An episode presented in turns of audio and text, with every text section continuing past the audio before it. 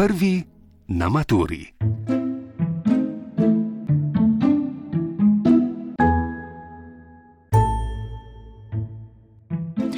Maske kdaj da in kdaj ne. Kako bo med odmori in sprihodi v šolo?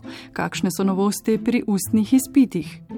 Na državnem izpitnem centru so prepričani, da večjih logističnih izzivov obe maturi ne prinašata, saj so dijaki zaključnih letnikov že drugi teden ponovno na šolah in sta se že vzpostavila ritem in nov način obnašanja na šoli.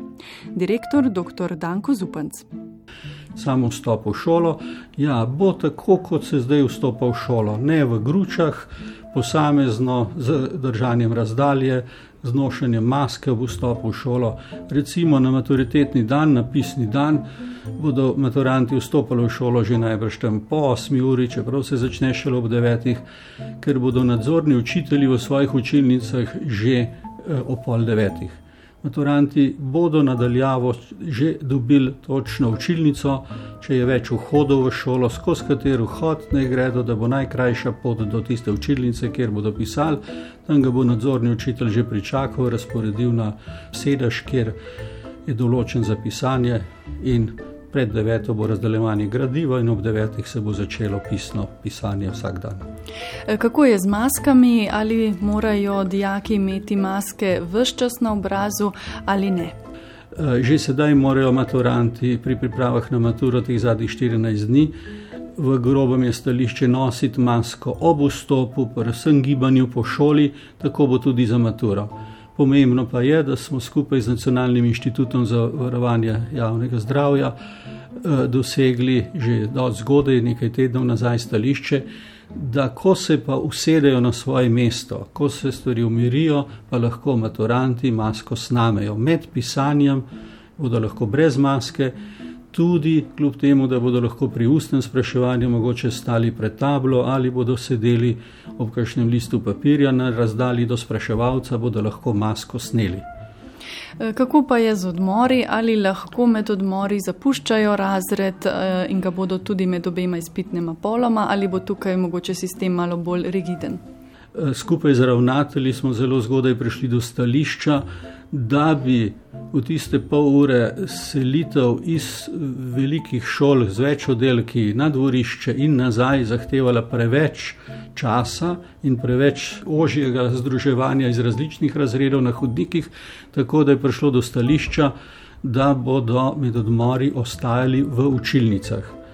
Mišljeno je seveda, da ostanejo, da se razgibajo okrog svojega mesta, da se takrat absolutno prezračijo prostori, eh, seveda se med odmorom gre tudi na stranišče, praviloma bodo v razredu.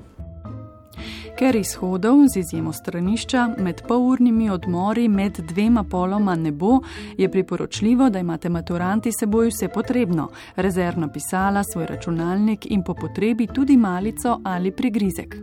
Ja, ima lahko malico seboj, prinesejo v razred in odloži v začetku v svoji torbici, svoji jakni, svoji vrečki na posebej za to označen prostor. Torej, malica naj ne bi se nosila k pisnemu delu izpita, voda ja, plastenka, steklen, steklenica vode ja, ne pa malica, in v odmoru bodo lahko dostopali do tega tisti, ki potrebujejo. Kako je z združevanjem ali pa zadrževanjem mladih eh, pred popisanju? Vemo, mladi si želijo povedati, komentirati, kako so pisali drug drugega, vprašati, kako jim je šla pa tista in tista naloga, ali vsaj uradno tega ne bi smelo biti. Poglejte, jaz poskušam biti zelo življenski. In najbrž združevanja pred maturo ne bo tako interesantno, saj množično ne. Po maturi pa jaz verjamem, da ta zgodba, kako je bila kje rešitev, kako je šlo tebi in tako naprej, se bo najbrž dogajala. Ampak zopet, če se to dogaja uh, v stoje, v razredu, še med odmorom, uh, po pisanju, ob izhodih šol, iz šole, naj se drži tista varna razdalja 1,5 do 2 metra, naj se nosi maska, ker zopet, če govorimo, je prenos virusa prej mogoče kot pri pisnem izpitu, ko so praktično vsi tiho.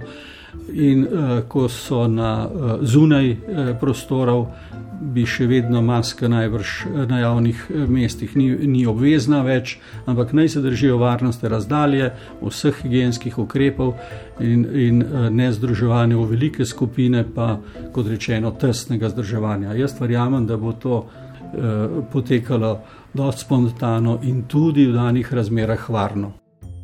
Pri ustnih izpitih pa je prišlo do večjih novosti, opozarja Darko Zupanc. Ne mislim samo to, da se bo eh, bolj intenzivno razkuževalo roke pred prijemanjem gradiva in po prijemanju. Ena novost, ki je v sklepu ministrice in je različna že glede na pravilniško določbo iz preteklih let, je, da ko bodo kandidati že izžrebali tisti listek ne, in ko bodo odgovorili na vprašanja, opravili ustni izpit, ga bodo odvrgli pred izpitno komisijo v posebno vrečo. Eh, razlika od preteklosti je ta, da se ta izpitni listek ne bo več vračal nazaj med 35 obstoječih listkov, tako da recimo naslednji kandidat za njim iz istega razreda ne bo mogel potegniti več istega listka.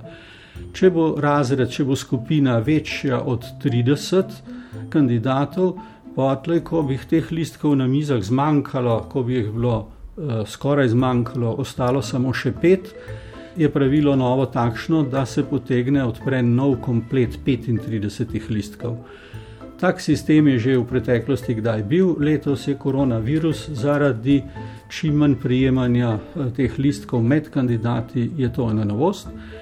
In druga novost je tudi, delno, absolutno ni, ni treba, da kaj tajimo, na pobude kandidatov, da morda niso predelali v kakšnem razredu vse snovi, je pri ustnem izpitu bilo možno relativno enostavno tako narediti, in ministrica tudi sprejela našo pobudo in zapisala to v sklep, da po išrebanem listku bosta kandidat in njegov učitelj, ki je praviloma učitelj spraševalec v določenem predmetu, lahko skupaj ugotovila, izjemoma, da je morda eno vprašanje na listku takšno, ki ga niso uspeli dobro predelati, in bo prvič, tega pa še nikoli ni bilo, letos učitelj imel pravico skupaj v soglasju s kandidatom, da mu učitelj zamenja vprašanje. Kljub temu, da je na listku napisan ne vem, nekaj od Sankarja, bo lahko uh, učitelj ob soglasju s kandidatom, če je razlog, da ni bilo dobro predelan, pač pretvoril vprašanje v preširno. Tega pri splošni maturi do sedaj ni bilo.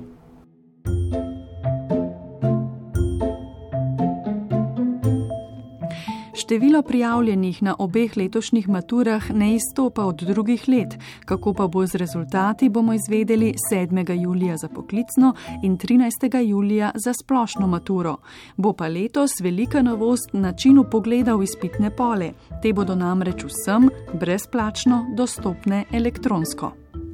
Na mesto po starem, ko bi kandidati po razglasitvi rezultatov šele vlagali vloge, da bi radi prišli na pogled, tridnevni rok je bil, včasih bodo zdaj že na dan razglasitve vsi videli na svojimi šiframi, nadaljavo od doma, celo najbrž na dopustu nekateri, bodo lahko preko spleta videli svoje eh, izpitne izdelke, ne samo rezultat, eh, seštevek točk.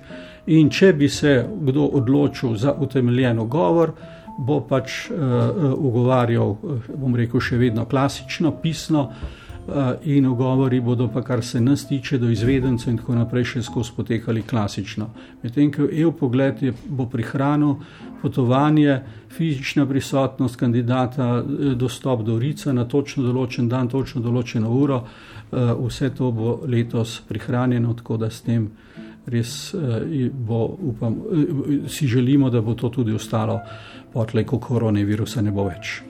Eh, kakšen pa bo rok za pritožbe? Bo to tridnevni rok, se pravi od 13. potem do 16. ali bo kaj daljši rok? E, tako, če želimo, ker imamo pred sabo še skozi jesenski rok, e, bo tridnevni rok, prvi dan se šteje že 13. juli in v treh dneh e, bodo lahko vlagali govor.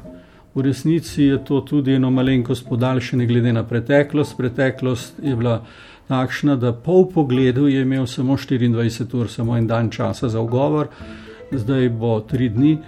Eh, seveda bi si kdo želel, da bi bil še daljši, eh, vendar če želimo tudi letos izpeljati vse ugovore in jih razrešiti pred prijavami za jesenski rok, kar je za nekatere kandidate in za upis na fakultete zelo pomembno, pač tam čez poletje ni časa na pretek. Naj za konec rečemo le še to, naj bo razlogov za pritožbe čim manj. Srečno in pametno na maturi. Prvi na maturi.